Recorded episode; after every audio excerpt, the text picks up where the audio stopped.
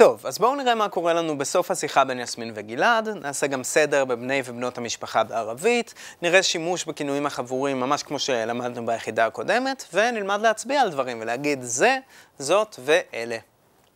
مين هدول؟ مش عارف هذه مش امك لا والله هي في الشغل وهاد مش ابنك؟ لا هذا ابن عمي יסמין וגלעד מרכלים על אנשים שנכנסים למסעדה. הם אומרים, מן הדול, הדי מיש אימק, הדה מיש איבנק, הדה אבן עמי. המילים הדה, הדי והדול זה פשוט זה, זאת ואלה. המילים האלה נקראות כינויי רמז, אסמא אל אישארה בערבית, כי אנחנו מצביעים איתם או רומזים איתם על דברים. תראו איך זה פשוט. הדה וולד, זה ילד. הדה מיש וולד, זה לא ילד. הדי בינט, זאת בת. הדול וולדי, אלה הילדים שלי. הדי בינתי, זאת הבת שלי. זה די קל. יש עוד צורה מוכרת לנקבה, וזה פשוט הצורה היי. פשוט תורידו את הדלת מהדי, ויוצא לכם היי. היי אמי, זאת אימא שלי. בערבית, כמו בעברית, יש הבדל בין זה ילד לבין הילד הזה. מה הכוונה? כשאני אומר זה ילד, אז די סיימתי את המשפט. זה ילד, זאת ילדה, this is a boy, this is a girl. לעומת זאת, כשאני אומר הילד הזה, אני בדרך כלל רוצה להגיד משהו אחרי זה. הילד הזה נחמד, הילדה הזאת נחמדה, האנשים האלה עייפים. איך זה נראה בערבית? כדי להגיד את האפשרות הראשונה, נגיד זה ילד, נגיד כמו שהרגע הראיתי. هادا ولد, هادي بنت, هادا بيت, هدول طلاب, אלה סטודנטים. כדי להגיד את האופציה השנייה, אנחנו נוסיף את אל הידיעה למילה, ונגיד هادا الولد, הילד הזה. אפשר להגיד למשל, هادا الولد زغير, הילד הזה קטן. هاي البنت كبيرة, הילדה הזאת גדולה. هدول الطلاب في البيت. הסטודנטים האלה, או התלמידים האלה, בבית. אז בואו נראה דוגמה אחרונה. אם אני אומר, هادا بيت كبير, אני אומר, זה בית גדול. אבל אם אני אומר, هادا البيت كبير, הבית הזה הוא גדול.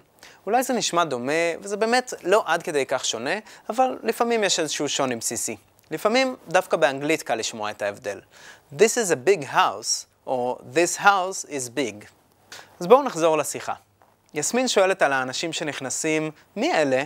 מין הדול? גלעד אומר שהוא לא יודע, מש ערף. הוא שואל, זאת לא אימא שלך? הדי, מש אימק? אנחנו רואים שאם זה אימא, ואימק אימא שלך. יסמין אומרת, לא וואלה, היא יפה שורל.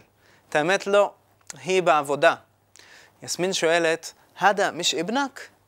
את זה אנחנו כבר מבינים. גלעד אומר, הדה אבן עמי, זה בן דוד שלי. עם זה דוד מצד האב, בשונה מיכל מהשיעור הקודם, שזה דוד מצד האם. אז אבן חל, בן דוד, אבל מצד האם, ואבן עם, בן דוד מצד האב. רואים, עוד לא סיימנו את השיעור השני וכבר הכרנו כמעט את כל בני המשפחה. משפחה בערבית זה עלה. בואו נעשה רגע קצת סדר. אמא זה אם. מה עם אחות, אח ואבא? תכף נראה את זה בשיחה, אבל קודם נלמד את המילים. אחות זה אוכט, ברבים חוואט. אח זה אח, אותו דבר, וברבים איחווה. אבא זה פשוט אב. במילים אבא ואח קורה משהו מעניין שגם מאוד דומה לעברית. כשאנחנו מתאים את המילים כדי להגיד אבא שלי או אח שלך, אנחנו מוסיפים אחריהם את האות ו' ויוצא אבוק, אחוק, קצת בדומה לעברית, אחיך, אביך, שהוספנו שם י'.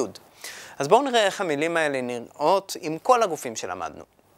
אבוי, אבוק, אבוקי, אבו, אבוה. בעברית זה אבא שלי, אבא שלך, אבא שלך, אבא שלו, אבא שלה. אותו דבר יהיה לנו עם אחוי. אחוי, אחוק, אחוקי, אחו ואחוה.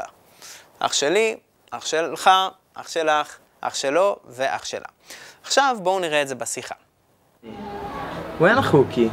هو في المدرسة هلا وأختك وينها؟ اختي مع ابوي في المكتب אז ראינו שגלעד שואל, ווין אחוקי? איפה אח שלך? עם הנטייה המיוחדת של המילה אח. יסמין עונה לו, הוא פיל מדרסה הלאה. הוא בבית הספר עכשיו. נתייחס תכף לביטויים פה. ואז היא שואלת, איפה אחותו של גלעד? הוא אוכתק, ווין הא, ואחותך, איפה היא? אז גלעד עונה לה, אוכתי מע אבוי, פיל מכתב. אחותי עם אה, אבא שלי, במשרד. ושוב אנחנו רואים את הנטייה המיוחדת של המילה אבא שלי, אבוי. זאת הזדמנות לדבר קצת על שמות של מקומות. גלעד ויסמין מזכירים שניים, מכתב, שזה משרד, ומדרסה, שזה בית ספר. הכרנו גם את שורול, שזה עבודה, אבל איפה הם יושבים? במסעדה. מסעדה זה מטעם. אז אתם יכולים לתרגל, אנא פיל מכתב הלאה. אני במשרד עכשיו.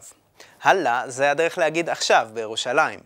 אפשר גם להגיד, אינתה מדרסה הלאה. אתה בבית הספר עכשיו. וכן הלאה. כאילו, וכן הלאה.